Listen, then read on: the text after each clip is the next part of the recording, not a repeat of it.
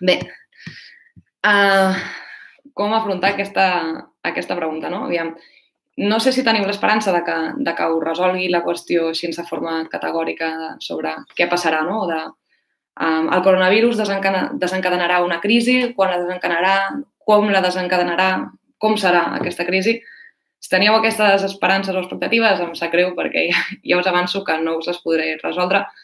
Els economistes, per més que des d'alguna ortodoxia es, es vulgui vendre com, com a que som científics, que podem fer mm, prediccions concretes o que, o que l'economia és tan exacta com podria ser la física, no és així. L'economia és una ciència social i tot el que podem fer els economistes és eh, plantejar escenaris que es poden desenvolupar eh, en base a uns criteris eh, o uns paràmetres que sí que es poden observar ara i aquí. També amb les seves limitacions, perquè eh, els serveis d'estadístiques... Els veïns estan fent molt de soroll. No sé si ho sentiu. Els serveis d'estadístiques no els controlem precisament els marxistes i llavors doncs, tenim les estadístiques que tenim elaborades eh, en base a uns criteris que eh, també, eh, lluny de ser neutrals, estan totalment esbiaixats eh, per les preguntes que es planteja la mateixa ortodoxia o l'estat quo. Però bé, comencem. Uh, en això que us deia, jo considero que um, per entendre en quin punt ens trobem, o sigui, per entendre què passarà, cal entendre, uh, cal entendre en quin punt ens trobem, i per entendre a quin punt ens trobem cal entendre una miqueta la trajectòria històrica del capitalisme. Obro el mòbil perquè vull comprovar si realment això està funcionant i que ningú m'hagi dit, sí, crec que no tinc ningú que m'hagi dit que no va, així que segueixo. Um, cal entendre la trajectòria històrica del capitalisme i per entendre-la cal entendre la dinàmica, com funciona la dinàmica d'acumulació capitalista, quin és el motor, com funciona aquest sistema capitalista, l'economia, no? Um, per començar, jo sóc parlar de sistema capitalista o de mode de producció capitalista, um, no parlo d'economia, perquè a vegades, tal com se'ns presenta, sembla que l'economia sigui la realitat, no? no de, com que no, no hi hagi res que pugui sortir d'aquesta forma de fer actual, perquè és lo natural, no? Amb això m'agradaria dir-vos que, i, i que quedés molt clar que res més lluny de la realitat, o sigui, aquest mode de producció um, té poc més de, no sé, ara potser soc fatal per fer comptes enrere, eh? però 200, 200-300 anys, vull dir, no, um, és un mode de producció breu, és cert que és el mode de producció que més ha transformat uh, segurament um, la naturalesa per part de l'home o dels éssers humans i però això no treu que no sigui amb l'ordre natural de les coses. Vull dir, és un mode de producció com en, com en, com en altres moments de la història n'hi ha hagut d'altres i com n'hi poden haver d'altres també. Les coses poden fer diferent. Es, um, es poden fer diferent i, i, i bé, i s'haurien de fer diferent. bueno, bé, sense, sense més intros, que sóc una persona que em sol perdre bastant en les subordinades, us donaré quatre, quatre pinzellades una mica teòriques, intentaré que s'entengui molt bé, si no, reitero, podeu fer les preguntes a través del hashtag uh, perquè s'entengui bé uh, la dinàmica d'acumulació capitalista. Vale? Bien, per començar, um, cal tenir en compte que existeixen diverses pugnes, lluites, um, en el marc del sistema o del mode de producció capitalista. Per una banda, um, la típica, no? la pugna capital-treball, que és entre els propietaris del capital, la classe capitalista, i les persones treballadores, diguem-ne proletariat, diguem classes populars, diguem-ne la classe treballadora. Sí, ja sé que pot sonar una mica anacrònic, ja ens farem tot les risses, però realment, pensem-hi, el món es divideix encara actualment entre els que treballen i viuen del salari i els que no, i els que, i els que en canvi cobren dels beneficis de les empreses. El fet que la majoria dels treballadors actualment no compleixi amb els cànons del textil del segle XIX, del treballador fabril típic del Fordisme allà a Detroit a General Motors, um, no vol dir que no es treballi actualment, tots ho sabeu. Jo suposo que la majoria de, de vosaltres treballeu, treballareu o heu treballat. I per altra banda també hi ha accionistes i propietaris, hi ha florentinos, hi ha instituts feiners, hi ha nanes botins. Vull dir, això tampoc crec que ningú en tingui cap dubte. Però bueno, aquesta pugna ara mateix la guardarem i llavors vull entrar en la pugna entre, en que es dona entre els mateixos propietaris del capital, és a dir, la competència capitalista, no? El mercat, allò, la competència. La competència m'agradaria també que quedés clar que no és optativa. No és que els capitalistes siguin uns avariciosos, guàssins a lo loco i que vulguin competir perquè és que tal, no? No, no és el cas. Um, la veritat és que si jo sóc un empresari que tinc una empresa i decideixo que no competeixo perquè sóc molt bon nano, um, la competència segurament m'acabarà fent fora de, del mercat, perquè tindran perquè podran abaratir preus, perquè desenvoluparan estratègies que buscaran precisament aniquilar-me per quedar-se amb el meu espai del mercat i vendre més i tenir més guanys o pel que sigui. Però, bueno, la competència no és optativa, ¿vale? Um, és una dinàmica on els empresaris o les empreses es veuen abocades i que l'han de seguir. Llavors, um, què, què exigeix la competència? Exigeix sempre buscar la màxima taxa de guany, guanyar més que el contrari per poder um, resistir abans a una crisi, per poder abaratir preus, per poder, en definitiva, mm, guanyar més que el contrari. I això com es fa? Doncs aconseguir que els diners que inverteixes treguin el màxim de rendiment, tenir més taxa de guany. Llavors, com es sol fer això? Doncs es sol fer des d'invertir en material, invertir en productes productius perquè els cotxes que fabriquin doncs, et costin menys que la competència, es costin el producte, etc.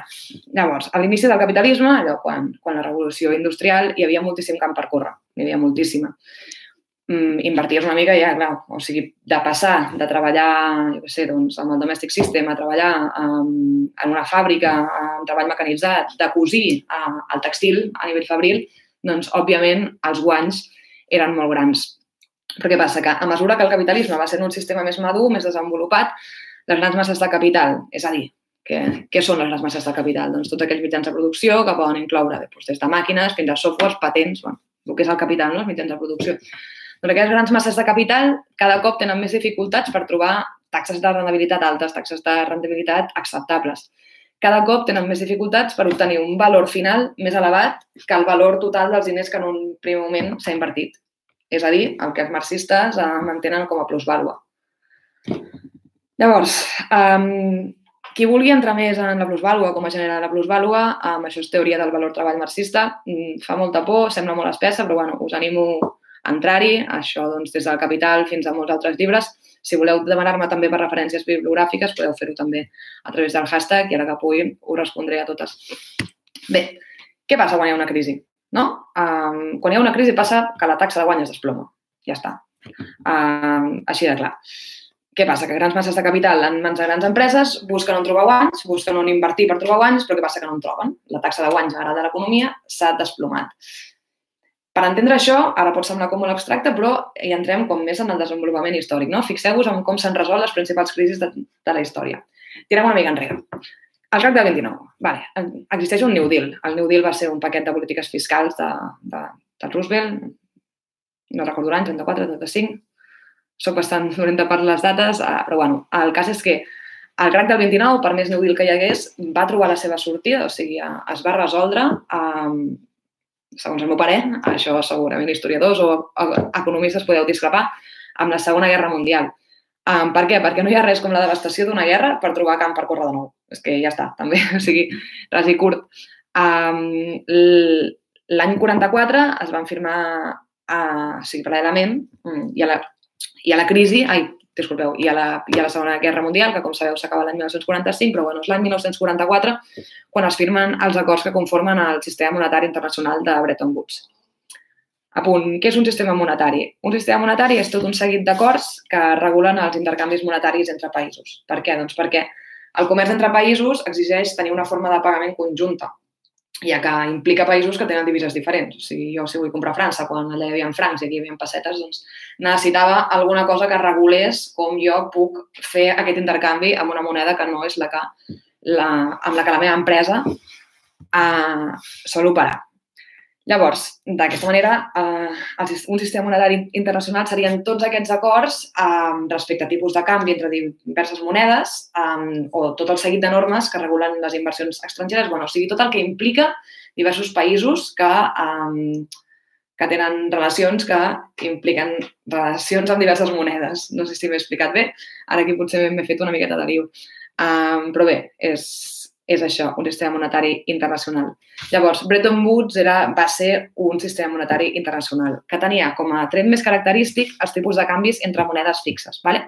Um, respecte al dòlar, o sigui, totes les monedes tenien una paritat fixa respecte al dòlar, tant, tantes pessetes sempre eren tants dòlars, mm, o tants, jo què sé, tants iens, sempre eren tants dòlars, i el dòlar tenia una paritat fixa respecte l'or a la Reserva Federal dels Estats Units tenia uns quants lingots d'or i en teoria tu si portaves un dòlar allà, el dòlar era com una participació de l'or, vale? tu anaves allà, llavors doncs podies, en teoria et podien donar el lingot d'or um, equivalent als dòlars que tu i estaves aportant.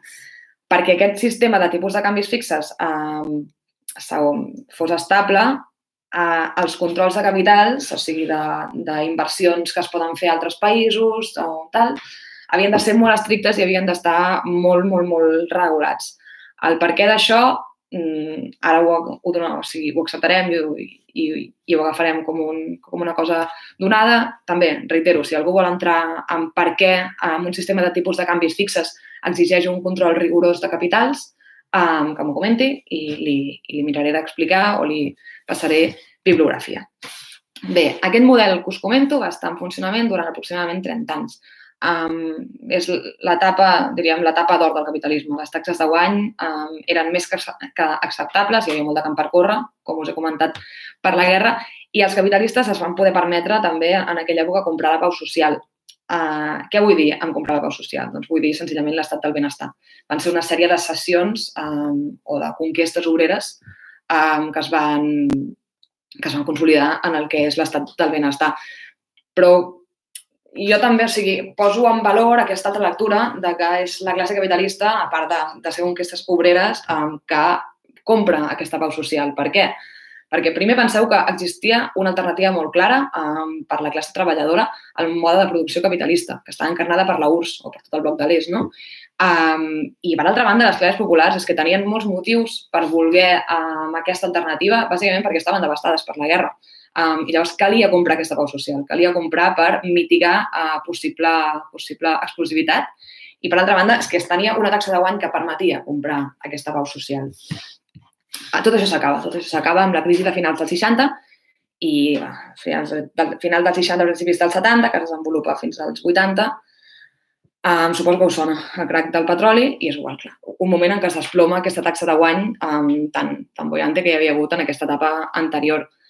Es parlava del crac del petroli realment, però realment les crisis mai responen a un fet concret i això també vull que quedi molt clar ara que parlarem sobre el coronavirus i la crisi o hipotètica crisi econòmica.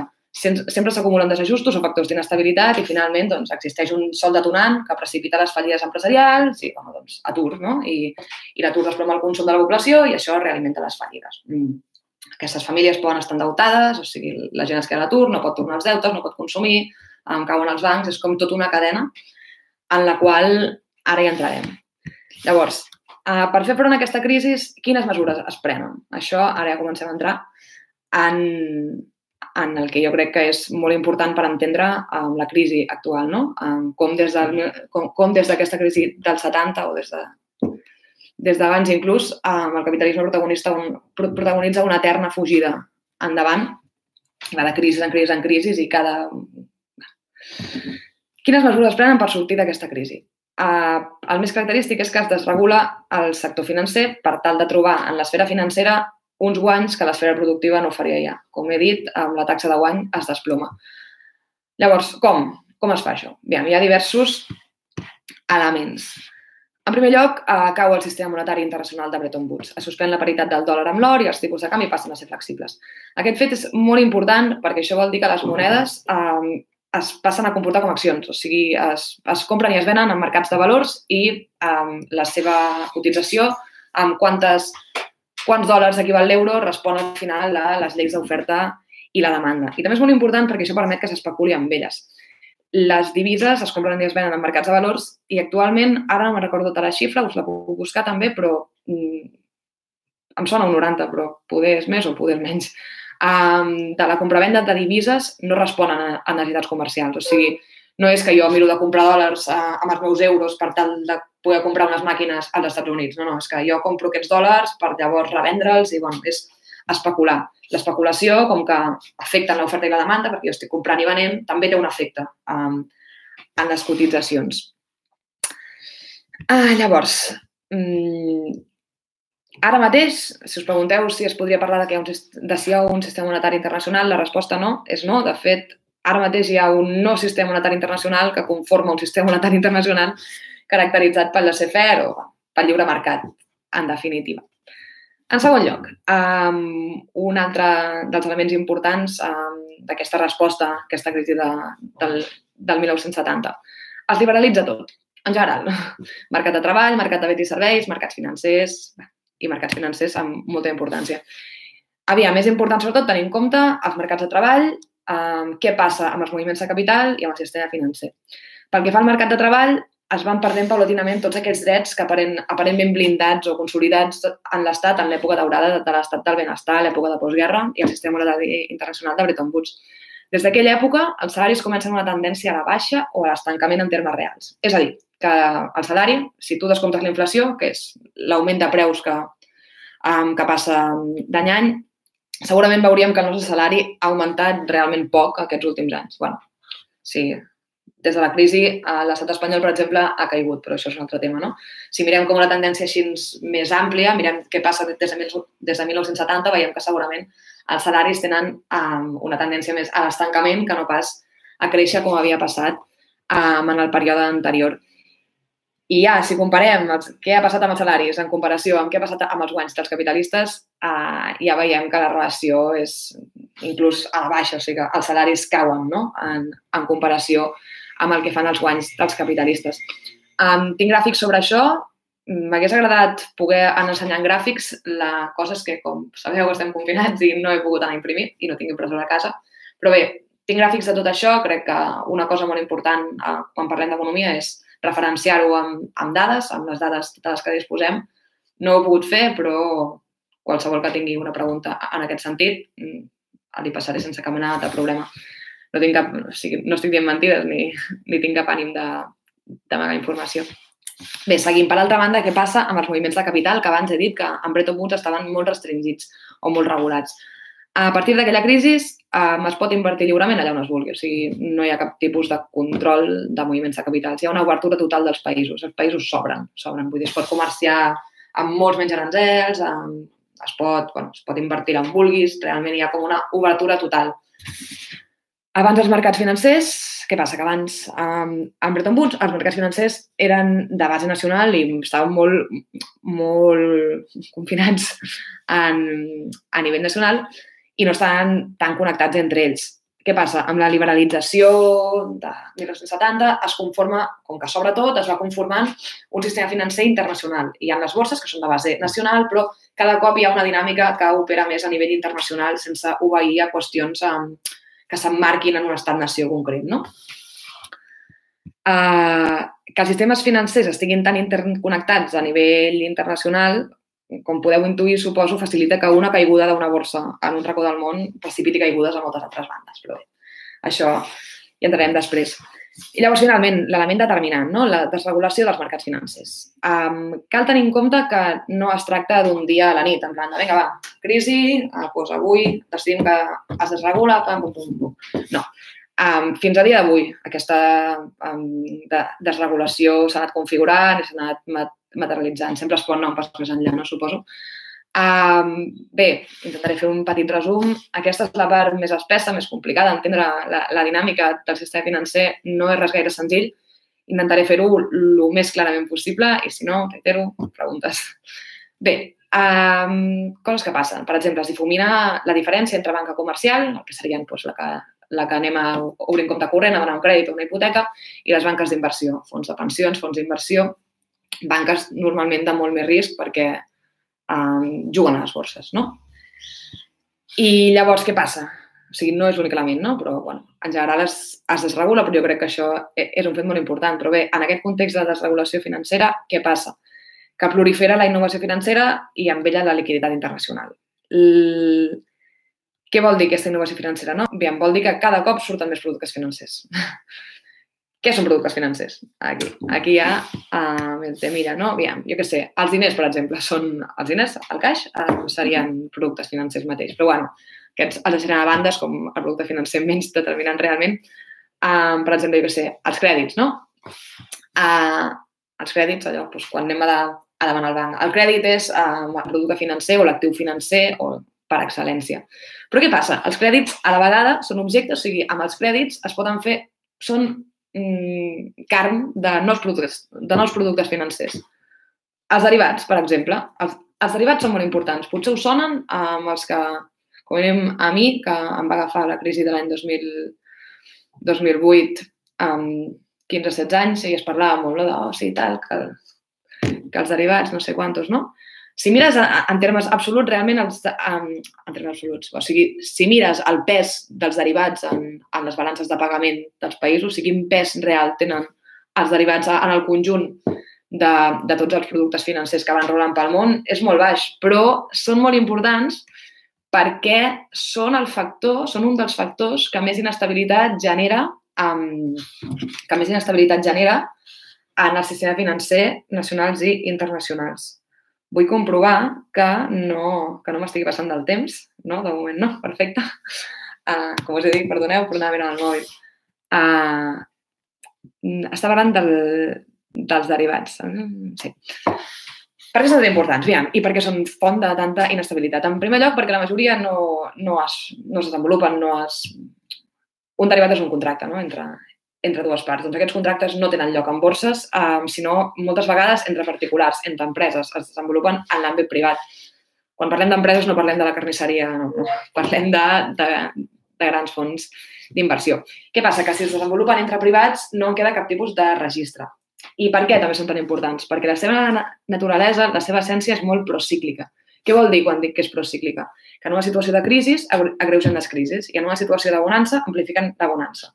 És a dir que, o sigui, si la dinàmica normal és així, eh, amb els derivats, si en, si en bonança augmenten la bonança, fan així, i en crisi augmenten la crisi. Per tant, fup, fup, uh, augmenten la inestabilitat.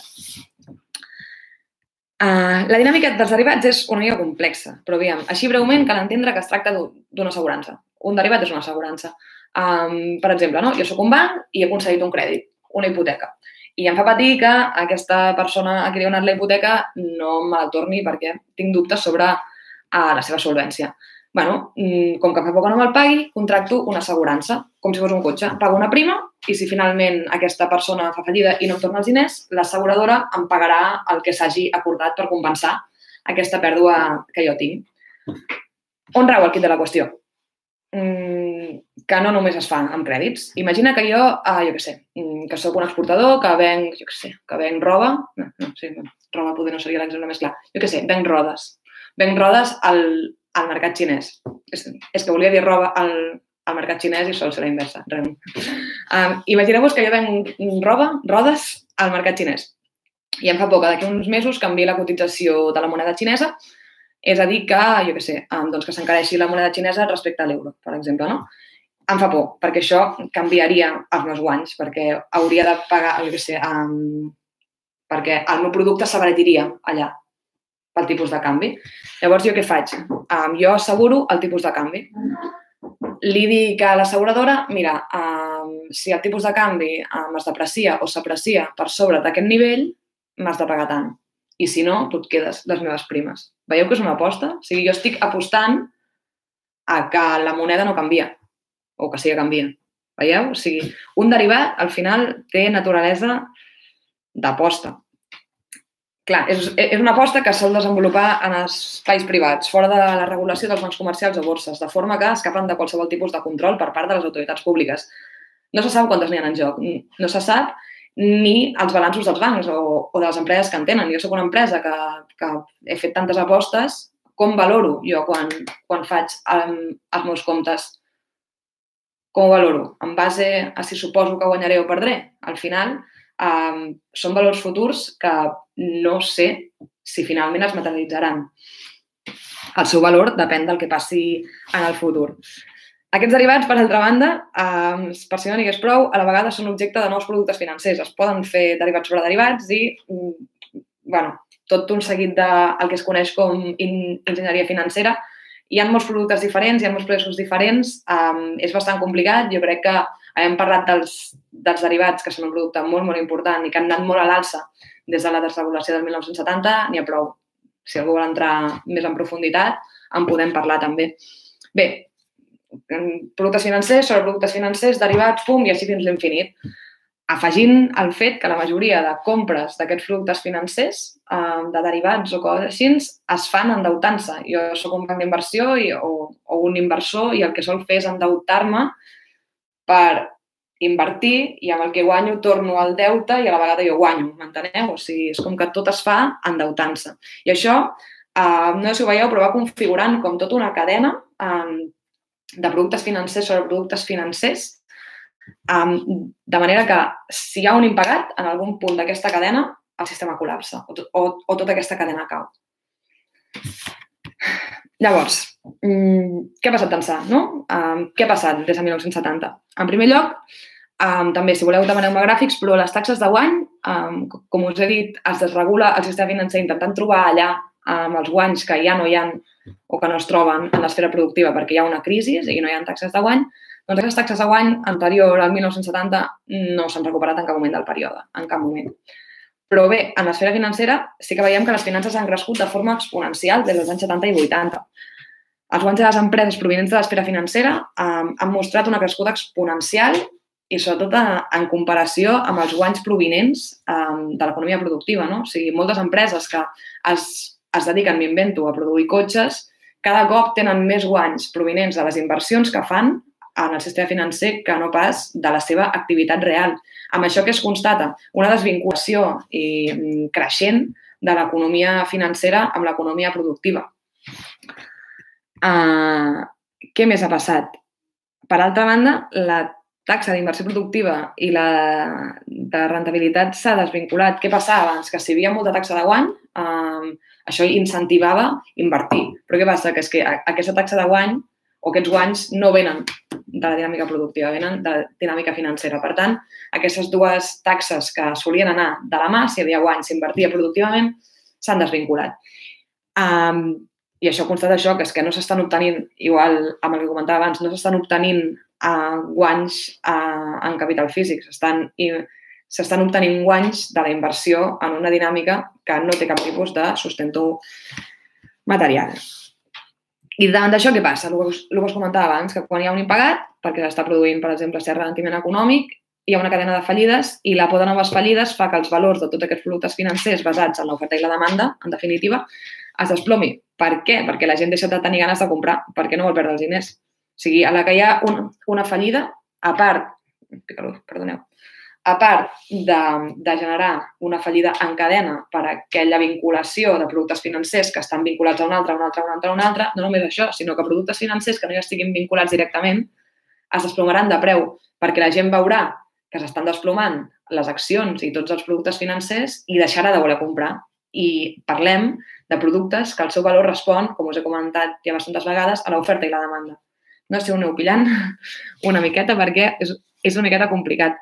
Llavors, què passa? Que tot el castell de cartes construït sobre valors ficticis, és a dir, cotitzacions d'actius financers com els derivats, per exemple, opcions d'empreses que s'encareixen senzillament per l'oferta i la demanda i no pel bon rendiment de, de l'empresa amb la seva activitat real, es desploma i només queda allò tangible, allò que és el capital físic, les coses que podem tocar. Com més gran sigui la diferència entre el capital fictici que hi ha rolant pel món, com més gran sigui aquella pujada o aquella desvinculació entre els guanys que s'obtenen de la dinàmica financera i els guanys que s'obtenen de la dinàmica productiva, més forta serà la caiguda. Com més lluny estigui una de l'altra, més gran serà la caiguda. Uh, I el pitjor és que costa molt saber la magnitud de la caiguda. Costa molt saber en quin punt, en quin, quina és la diferència vigent entre, entre, aquesta, entre aquesta dinàmica o aquests guanys que s'obtenen en l'esfera financera i en l'esfera productiva, entre el capital fictici i el capital físic. Per què? Doncs pel que us he dit, perquè molts actius financers existeixen, es creen, es compren i es venen fora dels circuits que es poden controlar, fiscalitzar i regular per les autoritats monetàries i financeres. Uh, no es pot controlar i la dinàmica intrínseca de buscar la màxima taxa de guany porta necessàriament a assumir cada vegada més risc. Aleshores, en quin punt es troba? No? En, en, entrant ja en què passa ara i aquí. En quin punt es troba l'economia mundial? He donat molta centralitat a l'esfera financera perquè crec que és molt important per entendre la dinàmica de, de, de, de l'economia mundial actualment. Tot i així, eh, veieu que he insistit molt en, en la taxa de guany i és perquè eh, considero que l'arrel de tota problemàtica o, o de qualsevol dinàmica en allò productiu eh, respon, en definitiva i, i en última instància, al que passa amb allò tangible, amb allò que podem tocar. Bé, què passa a l'economia mundial actualment, no? Disculpeu, que vull controlar el temps. Mm, crec que encara tinc 10 minutets. Uh, bé, l'economia mundial actualment. Hi ha molta globalització, molts intercanvis comercials i un sistema financer internacionalitzat. Um, però bé, abans que la Xina detectés el primer brot del, del, del Covid-19, les previsions de creixement que elaboraven les principals agències i institucions mundials ja eren força pessimistes. I això ho dic amb totes les limitacions que hi ha a l'hora de, de recollir aquest tipus de, de, de dades i de fer previsions. No? Um, es detectava un dinamisme molt, molt dèbil i símptomes d'alentiment del ritme de creixement en el conjunt d'economies de la OCDE, són els principals els països més rics del món, però és que també dels països emergents, que seria Brasil, l'Índia i la Xina mateix. No? Um, bé, el, el, els índexs de producció industrial també s'estaven desplomant, de tot això també tinc gràfics, en, en el conjunt de la OCDE, i el rendiment dels productes financers emesos per governs o empreses um, a curt termini uh, mostraven més rendiment que a llarg termini. Què vol dir això? Aviam, intentaré explicar-ho breument. Uh, normalment, uh, els, els productes financers a llarg termini, que vol dir que tu inverteixes uns diners i tardaran més temps a tornar-te'ls, um, et donen més rendiment, et donen més tipus d'interès. O sigui, tu inverteixes allà, jo que sé, per exemple, compro uns bons de l'Estat i em diran que no me'ls tornen fins aquí 10 anys. Doncs em donaran més diners, més diners a canvi. Per què? Doncs perquè um, és un sacrifici gran que faig jo deixant els diners o de, de, deixant-los durant tant de temps. En canvi, a curt termini solen tenir un rendiment més baix. Què passa? Si jo tinc por de que hi hagi una recessió en un període relativament curt de temps, deixar diners a llarg termini jo no me'n fiaré. Per tant, intentaré um, deixar diners a molt més curt termini. Uh, llavors, sempre que aquest indicador, el, el dels títols emesos, sol mostrar aquesta tendència de que um, a curt termini es dona més rendiment que a llarg termini, la recessió sol ser bastant pròxima. Això és algo sí que, que es pot constatar analitzant què ha passat amb aquest indicador uh, en, en períodes anteriors i veient quin temps ha passat o què ha passat just després i, efectivament, hi ha hagut recessió al cap de poc. No sé si, si m'he explicat gaire amb aquesta última cosa, en qualsevol cas no crec que sigui tan determinant. Només cal entendre que hi havia molts indicadors ja abans de que hi hagués el primer brot de coronavirus que ja indicaven que l'economia mundial es podia trobar molt segurament a les portes uh, d'una recessió. Bé, el consum, per altra banda, el consum ja era, o sigui, el que comprava el que compra la gent es mostrava força limitat per aquell ajust salarial que abans he comentat, per uns salaris que des de 1970 no pugen. No pugen, s'estanquen i, a part, si ho comparem amb els guanys dels capitalistes, eh, inclús van a la baixa. Aquest ajustament salarial de 1970 en països eh, com podria ser Grècia, podria ser l'estat espanyol, eh, s'ha agreujat o s'ha aguditzat eh, arrel de la, de la, de la gran recessió, de la crisi de, del 2008. Llavors, en aquest marc, en aquest marc que us he descrit, és, veiem una economia molt mundialitzada, molt interrelacionada a nivell productiu d'intercanvis comercials i a nivell financer. Hi ha un sistema financer d'abast mundial amb una dinàmica pròpia a nivell mundial, doncs veiem un sistema productiu amb símptomes d'alentiment, d'esgotament, de, que sembla que s'encamina cap a una recessió i, per altra banda, tenim un sistema financer que té una dinàmica, que espero que hagueu pogut entendre, um, d'inestabilitat. O sigui, té una dinàmica que necessàriament um, porta a una inestabilitat creixent, a assumir grans dosis de risc. Llavors, en aquest marc, mm, com pot afectar el coronavirus? bueno, el que us comentava, mentre existeixen grans masses de diners fent voltes per mercats financers, mentre la gent pot, vol comprar i vendre accions i agafa crèdits i jo t'accepto i et dono un crèdit perquè jo agafo aquest crèdit i em faig un derivat i no sé no sé quantos, les empreses o les famílies es poden endeutar. I llavors, el sistema financer, d'aquesta manera, serveix de salvavides provisional i fictici a un sistema productiu que, com us he comentat, ja fa anys que no és capaç de créixer o d'assegurar una taxa de guany acceptable per tot el capital que hi ha um, en el sistema, en el mode de producció capitalista. Llavors, a través d'aquest endeutament i d'obtenció de beneficis ficticis a, nivell, a través del, del sistema financer, el sistema fa molts anys que està portant a terme una fugida endavant. Hi ha una crisi i llavors es torna a recuperar amb les mesures que siguin necessàries i que recauen normalment sobre les classes treballadores. Uh, però, bueno, aquesta fugida en, endavant, què passa? Que en el futur amplifica la caiguda, ja que afegeix els problemes associats a aquest endeutament que permet seguir fent girar la roda, uh, els problemes que presenta ja la dinàmica productiva i bé, Actualment aquest endeutament que ara us comento està pels núvols a nivell mundial. També tinc gràfiques, si voleu, me les demaneu. Bé, en aquest marc, què passa? Que com ja podeu anar intuint i com ja us he comentat també, qualsevol alteració pot fer trontollar tot el sistema. I què pot ser una alteració? Mira, doncs les mesures associades a la contenció del coronavirus, eh, mira, empitjorament de les previsions econòmiques, conseqüències d'això que poden generar un pànic bursari que bé, és, és, sembla, que ser, sembla que és l'últim element que falta per acabar d'enfonsar aquest castell de cartes que us he mirat de descriure. Bé, eh, el context és aquest que us comento, d'una economia mundial desbordada de liquiditat, de capital que no troba on invertir-se i que ha hagut de crear valors ficticis um, per continuar creixent i mirar de no col·lapsar. Les polítiques econòmiques, que, que bàsicament de desregularització, que, que s'apliquen als anys 70, en lloc de controlar um, tots aquests perills, el que han fet és amplificar-los. Per què? Perquè era l'únic espai, o sigui, controlant, posar, o sigui, controlar el sistema financer realment evitaria tots aquests perills, però privaria amb l'economia de fons de guanys, encara que això sigui, siguin causes de, de crisis futures. Bé, llavors, què passa actualment? No? Com, davant d'aquest escenari, com estan responent els organismes competents? Bé, eh, el BCE, per una banda, Uh, ja fa anys que està intentant d'injectar liquiditat, està intentant incentivar l'economia, donar-li aire, donar-li benzina, um, rebaixant els tipus d'interès. Uh, uh, els té a zero des de l'any 2016. Això què fa? Doncs, bueno, bàsicament busca que els bancs prestin diners i dinamitzi l'economia. Però què passa? Que els bancs, en lloc de prestar-los, com que no hi ha taxa de guany, com que l'economia productiva no té apenes, no ofereix apenes rendiment, què fan? utilitzen aquests diners per invertir-los en aquesta economia financera que sí que dona uns guanys. Què passa? Uh, ens trobem en el que es coneix com la trampa de la liquiditat, que és quan l'economia no respon a la rebaixa dels tipus d'interès i llavors cal activar la balanca fiscal. Què és la balanca fiscal? Um, per exemple, la despesa pública. La despesa pública forma part de lo que és la política fiscal. Uh, augmentar la despesa pública, augmentar l'IRPF als més alts, jo què sé, totes aquestes coses, no? Llavors, per què no està utilitzant bé?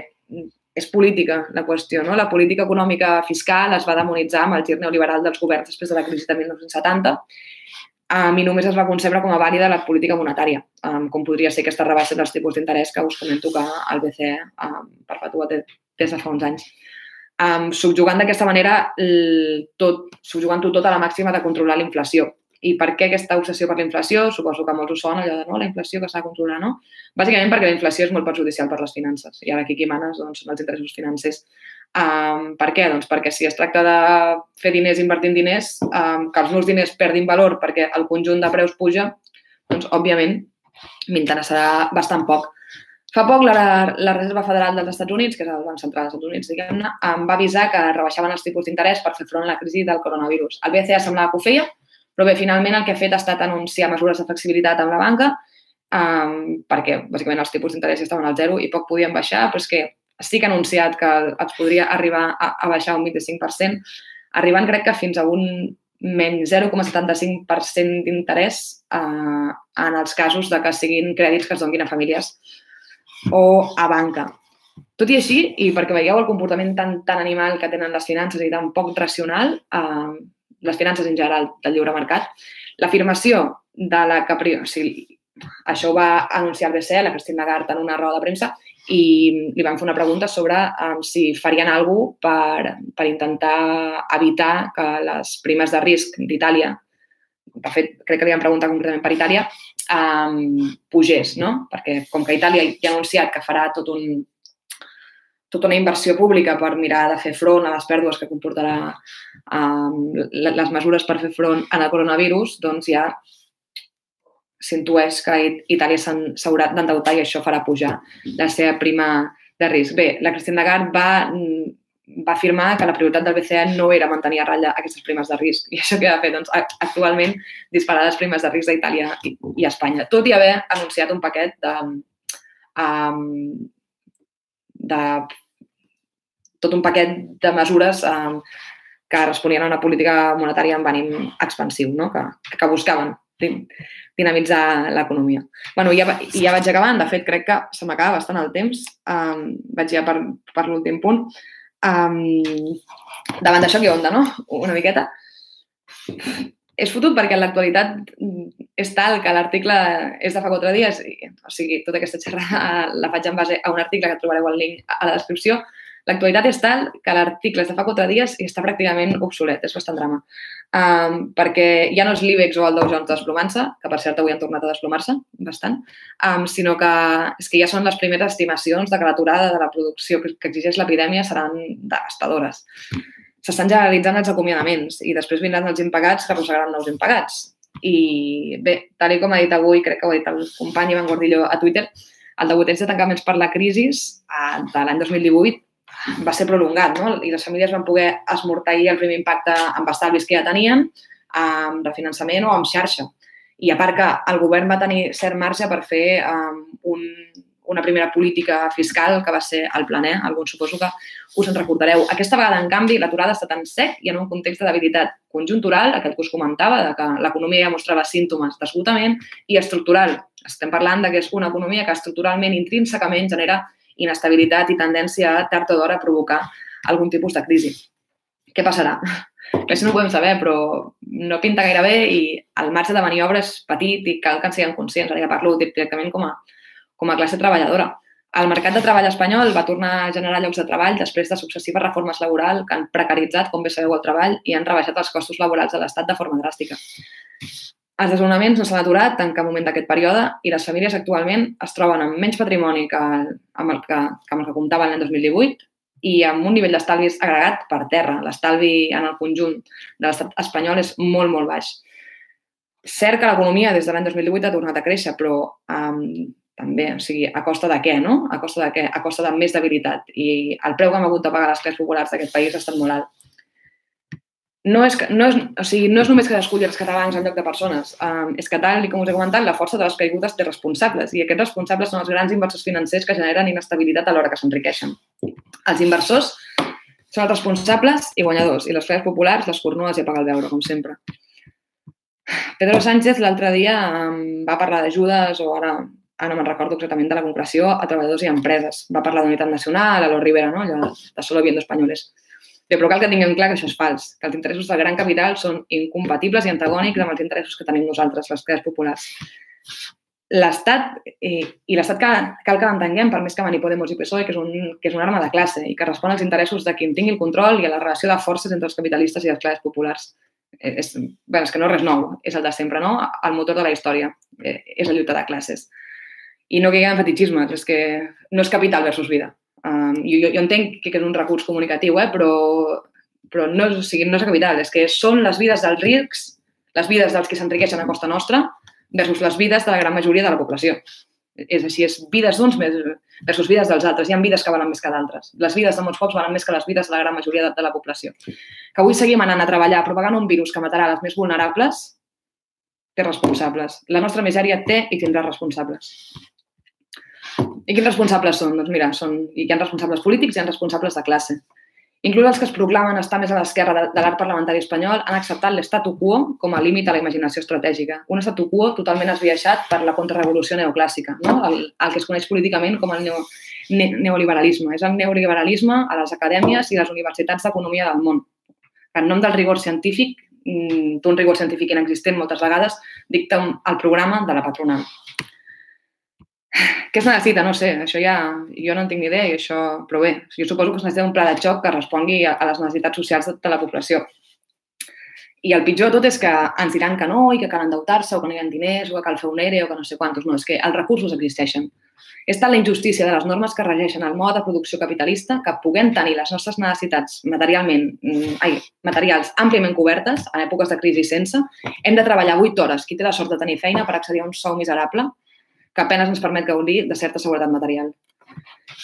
I fixeu-vos que parlo d'injustícia, no parlo d'irracionalitat, perquè de raó n'hi ha, però la cosa és a, a quin objectiu respon aquesta raó.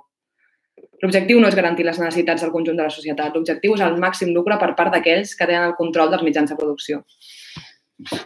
Uh, així que bé, jo per finalitzar la xerrada, ara miraré les preguntes i moltes gràcies i bé, endavant amb la lluita de la classe obrera perquè tornen temps de carrer. És raro. Ara llegiré les preguntes. A veure, Mm.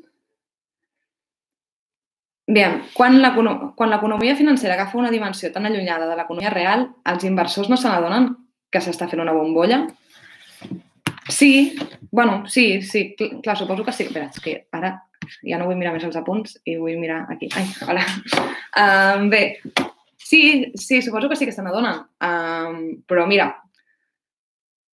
després de la crisi econòmica de l'any 2008 eh, es van jutjar uns, bueno, es van jutjar els, mm, alguns màxims directius de, de bancs dels Estats Units i concretament no, no recordo el nom, però era el directiu mm, el CEO, no recordo, un, gran, un directiu del Citibank, un banc, un d'aquests que fusionava banca comercial amb banques d'inversió als Estats Units, li van preguntar um, que per què seguia comprant o títols al risc, no? si sabia que allò estava um, a punt de patar.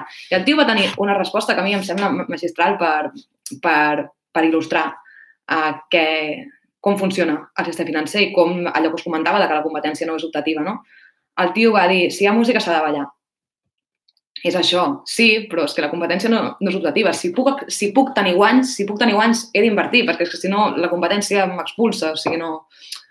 En un sistema que és essencialment irresponsable, no té cap sentit intentar ser responsable tu, no? Suposo que, que podria respondre això. Segueixo. Um, podries tornar a explicar com la Segona Guerra Mundial permet augmentar la taxa de guany i superar la crisi del 29? Vale, intentaré fer-ho ràpid perquè és que, clar, això donaria per, per una altra xerrada, no? Uh, bàsicament és que amb Europa devastada hi ha potencials guanys, no? O sigui, hi ha molta cosa per tornar a construir. En canvi, quan ja tens tot construït, és aquella... O sigui, jo sé que no té massa sentit, no? Però si ha, si ja està tot construït, no puc invertir per treure uns guanys de la construcció. En canvi, si m'ho destrosso tot, puc tornar, no? Al final, um, les crisis econòmiques, quan peten les bombolles, no deixa de ser de, de, destrucció de capital, no? O sigui, no deixa de ser un altre tipus de destrucció per tornar a tenir camp per córrer. No ho he explicat gaire bé, sóc conscient.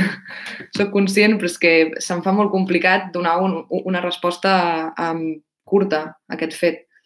Jo veig això, no? Que si, si es vol créixer, si es vol créixer construint, si ho tinc tot construït, no puc créixer construint. En canvi, si m'ho peto tot, llavors puc tornar-hi. No sé si, si m'he explicat, la cosa és bastant més complexa, però m'agradaria mm, respondre a, a més preguntes. Uh, bé, la intervenció de l'Estat en la sanitat privada i altres sectors privats és una qüestió de bé comú o d'interessos econòmics? Uh, no acabo d'entendre la pregunta, crec, però bé, en qualsevol cas, Sí, interessos econòmics, interessos del conjunt de la població. Bé, comú, clar, comú, comú per tots no. O sigui, la, la societat està dividida en classes i aquestes classes tenen uns interessos totalment antagònics i irreconciliables. Um, la interven... Jo sóc del parer que l'Estat hauria de tenir el control de tots els serveis, de tots els serveis estratègics, en aquest cas la sanitat més un. Però, bé, mm, no sé si he respost la pregunta, tampoc m'ha quedat molt clara la pregunta. Però bé, en una època de crisi com és l'actual, de crisi sanitària o de, o de potencial crisi sanitària, és obvi que amb la sanitat, del conjunt, que el conjunt de sanitat s'ha de posar al, al, al servei de l'Estat, és a dir, al servei del conjunt de la societat, sense que, sense, sense discriminar ningú pel, pel seu nivell adquisitiu o, o, o per si es pot pagar o no una mútua. Però és el que comentava abans, és que els objectius de la producció de, del conjunt de l'economia no és el bé comú, no és que tothom tingui les seves necessitats cobertes. Um, els objectius és el màxim lucre. Clar, vull dir, aquí és el... Ara mateix eh, s'ha de prioritzar que el conjunt de la població pugui um, afrontar a, aquesta pandèmia, doncs s'ha de nacionalitzar aquest sector.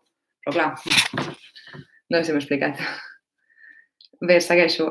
Existeix cert marge de solució d'aquesta crisi dins del capitalisme? Bé, suposo que, que ja heu vist el meu deje una mica, no? El, aquí al final, amb el míting que he fet. Jo crec que no, jo crec que no, aviam, existeix marge per fugir endavant, existeix marge de, de maniobra. Òbviament que es poden fer unes polítiques i no unes altres, però jo què sé, i faig un exemple, no? Imagineu-vos um, unes polítiques que busquin acabar amb l'atur, no? Dins del marc capitalista. És que l'atur té una funció social. Que jo tingui por d'anar-me'n a l'atur perquè si estic a l'atur no puc pagar la hipoteca o el lloguer, fa que jo, quan el meu jefe em digui o et baixo el sou o et foto fora, calli i accepti una rebaixa de sou i accepti tot un seguit de vulneracions de, de, dels meus drets com a treballador. L'atur té una funcionalitat social. Per tant, sí, jo què sé, hi ha marge, vale, però, la, però les polítiques progressistes tenen eh, el límit que són les relacions de producció o les relacions, les normes que imperen en, en aquest mode de, de, de producció capitalista. Hi ha molt poc marge. I ja si afegim la variable amb la crisi ecològica, aquest mode de producció, o sigui, aquesta, tant, que l'objectiu social de la producció sigui la taxa de guany, es veu que està arribant al seu fi. Al seu fi del mode de producció, o de la raça humana, i amb la raça humana, doncs, o la, o la destrucció del nostre ecosistema amb això a la fi del mode de producció, no? Però jo, jo crec que hi ha molt poc marge i crec que està per veure també fins a quin punt es, fins a quin punt es pot fugir endavant. Com valores el fet que els governs actuïn en lògica nacional mentre el capital productiu financer funciona de manera globalitzada? És això compatible amb una democràcia real? Com valoro el fet? Bueno, és que valoro que el fet és un despropòsit en, en general. Uh, sí, és obvi que aquí hi ha que, que, que el capital no el mana ningú no? I, que, i que no existeix cap tipus de, de govern o de normes o de, o de inclús cap tipus de, de, de normes consensuades. Sí que a nivell del sistema financer s'han portat a terme el, alguns acords mundials, els acords de Basilea, 1, 2, tants quantos, Um, però bé, són d'abast superlimitat, per allò que us comentava, perquè és que la majoria del sistema financer es permet amb la seva desregularització que, que se desenvolupi en l'àmbit privat. No? Amb això també hi, hi juguen un paper molt determinant les tecnologies. No? Potser abans, fa cent anys, tampoc hauria sigut possible aquesta internacionalització o globalització de les finances, suposo. Um, compatible amb una democràcia real? No, no crec que, no, no crec que dins del marc capitalista es pugui, puguem comptar mai amb una, amb una democràcia real, però és que clar, és que no és només això. Què, què és una democràcia real? Què és, què és votar? Votar què, no? Um, democràcia real és, és decidir de forma col·lectiva um, sobre les nostres vides. Ara mateix, com podeu veure, estem totalment a la mercè de, de, dels interessos d'aquests grans propietaris de, de capital que inverteixen en aquests fons d'inversió. Vull dir, al final, és obvi, és obvi que no. Uh, I segueixo mirant preguntes.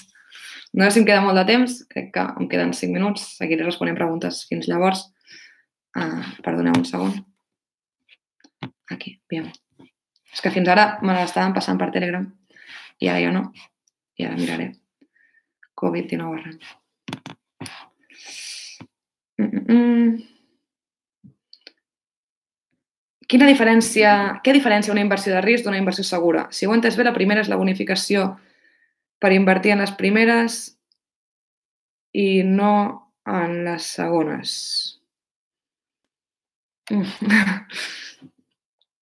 No he entès bé el segon, però uh, m'explicaré el primer. Una inversió de risc d'una inversió segura. La capacitat de pagament no? que tingui... Que tingui... Ah, no, ara no t'ho sabria explicar així, així breument. Doncs el risc és que tu no recuperis els diners que finalment has invertit tu en un principi, no? Una inversió segura? Doncs jo què sé, deixar-li diners a l'Estat sol ser una inversió segura. I més, si, jo què sé, deixar-li diners a l'estat alemany, doncs sol ser una inversió segura, perquè mm, dubto que faci una suspensió de pagaments. De fet, la prima de risc és això. La prima de risc és la de... Clar, com més risc, eh, més interès has de donar. O sigui, jo, mm, per deixar-te a tu els diners que no crec que me'ls tornis, vull que em donguis uns interessos bastant elevats, no? Per tant, amb com més risc hi ha a que ho tornis, més diners has de pagar tu perquè et deixin diners. Més interès has de pagar. La prima de risc és la, és la diferència que hi ha entre l'interès que ha de pagar per endeutar-se l'estat espanyol, si és la prima de risc espanyola, amb els diners que ha de pagar per endeutar-se amb l'estat alemany. Vale?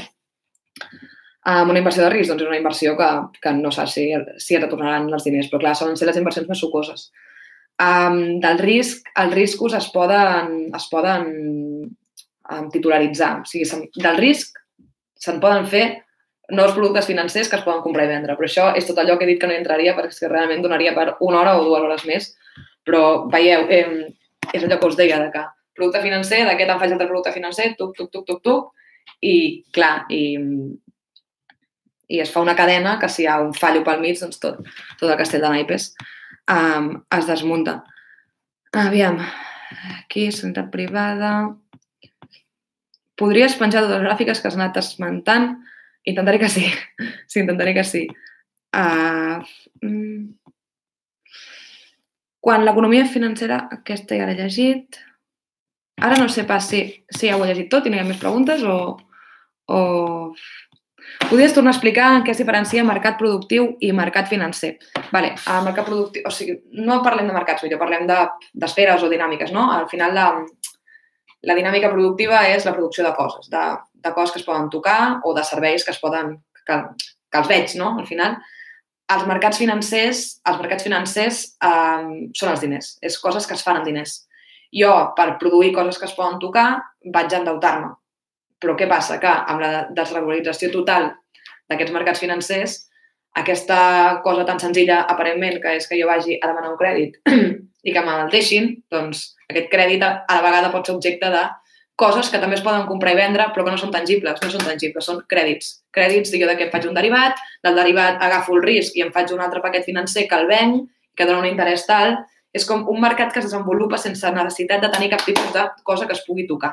I llavors què passa? Que els preus no responen a, al valor d'ús, no responen a que jo vull aquesta cullera per poder menjar-me el iogurt, sinó que a, responen a pues, això, pues, pues, l'oferta i la demanda, el risc que es pugui, a la percepció del risc, a si la la directora del Banc Central Europeu diu que passarà tal cosa, llavors jo penso que tal cosa, jo què sé, o si hi ha un pan impulsar i si jo veig que de cop la gent comença a vendre per jo què sé què, vendré i això farà baixar els preus, però realment no respon a res que hagi passat que es pugui tocar o que es pugui veure, no? Que espero que m'hagis entès. Um, aviam, tenint en compte la postura d'Alemanya respecte a la crisi pel que fa al deute, en comparació al 2008, és diferent. Hi ha possibilitats de que la crisi no sigui un absolut frau o només guanyi els que prosseguir si els governs volen? Jo ja he dit de què crec que depenguin aquestes possibilitats. Jo crec que aquestes possibilitats depenen de, de la cara que plantem. No crec en dreceres, la veritat no crec en dreceres i crec que aquest gran govern progressista a l'estat espanyol que semblava que ens havia de, de donar l'oro i el moro, crec que ens ho està evidenciant, que no hi ha dreceres. Jo que sé, també ens ho pot evidenciar amb l'experiència de, de Sirisa a Grècia, no? Crec que no hi ha dreceres. Um, això no vol dir que, que s'hagi de, de renunciar a certes apostes tàctiques, eh? jo que sé, però jo crec que al final tot es desenvolupa als carrers i, i és, on, i és on, on es disputa i on es disputarà um, si deixarem que aquesta crisi la tornem a pagar nosaltres o, o la paguin aquells que s'han enriquit a costa nostra i que en definitiva l'han provocat. I bé, jo crec que no hi ha més preguntes i crec que se m'ha acabat el temps. Um... Ah, mira, sí, una altra. Creus que pot haver-hi un corralito? No, no ho sé. Crec que... A veure, no t'ho sabria dir. No conec molt el que va passar a Argentina, ho, ho he de reconèixer, Um, o sigui, sí que sé què va passar, però no, no conec tant, tant com es va desenvolupar aquella crisi um, per comentar-vos-ho. Mm, no ho crec. No crec que es deixés passar en quadradito, però no t'ho sé dir. O sigui, sincerament, no em vull aventurar a, a, a respondre aquesta pregunta. També us he dit que és molt, molt, molt complicat fer previsions així de passar tal cosa, eh? perquè realment veig el que hi ha, us puc dir, mira, és aquesta la inestabilitat que hi ha, així funcionen les coses, això pot passar, però definitivament no es puc, mm, no es puc dir res. Vale, va, última. Què pot fer la classe treballadora davant el panorama econòmic i, en aquest cas, el jovent? J. Barin. Uh, crec que he, he respost a aquesta pregunta al, al final, no? No, no sabria afegir, la veritat, gaire, gaire res més. I menys amb, amb el temps que crec que m'estic passant un minut. I bé, va, ja està, no? Sí, crec que, crec que sí. bueno, um, doncs res, doncs, doncs moltíssimes gràcies a, a Ran i a tota la gent que m'ha escoltat. No he mirat quanta gent m'estava mirant perquè, perquè m'hagués acollonit. Però bé, moltes gràcies. Espero que ho hagueu entès. Miraré de penjar totes aquestes gràfiques. Uh, miraria de fer algun tipus de fil. Um, potser, per exemple, podria fer algun fil intentant enllaçar tot. En qualsevol cas, sapigueu que um, hi ha moltes companyes que, que estan treballant en aquest sentit. A Catarsi Magazine, per exemple, um, es treballen sobre, sobre molts temes d'actualitat, posant debats, exposant arguments a través d'articles. Les companyes del Seminari Taifa um, tenen molt de material a la seva web, seminaritaifa.org, diria que és recipient de memòria, que podeu veure i llegir, tant en format articles curts com en articles llargs. I bé, i ja està. Moltes gràcies i, i visca la terra.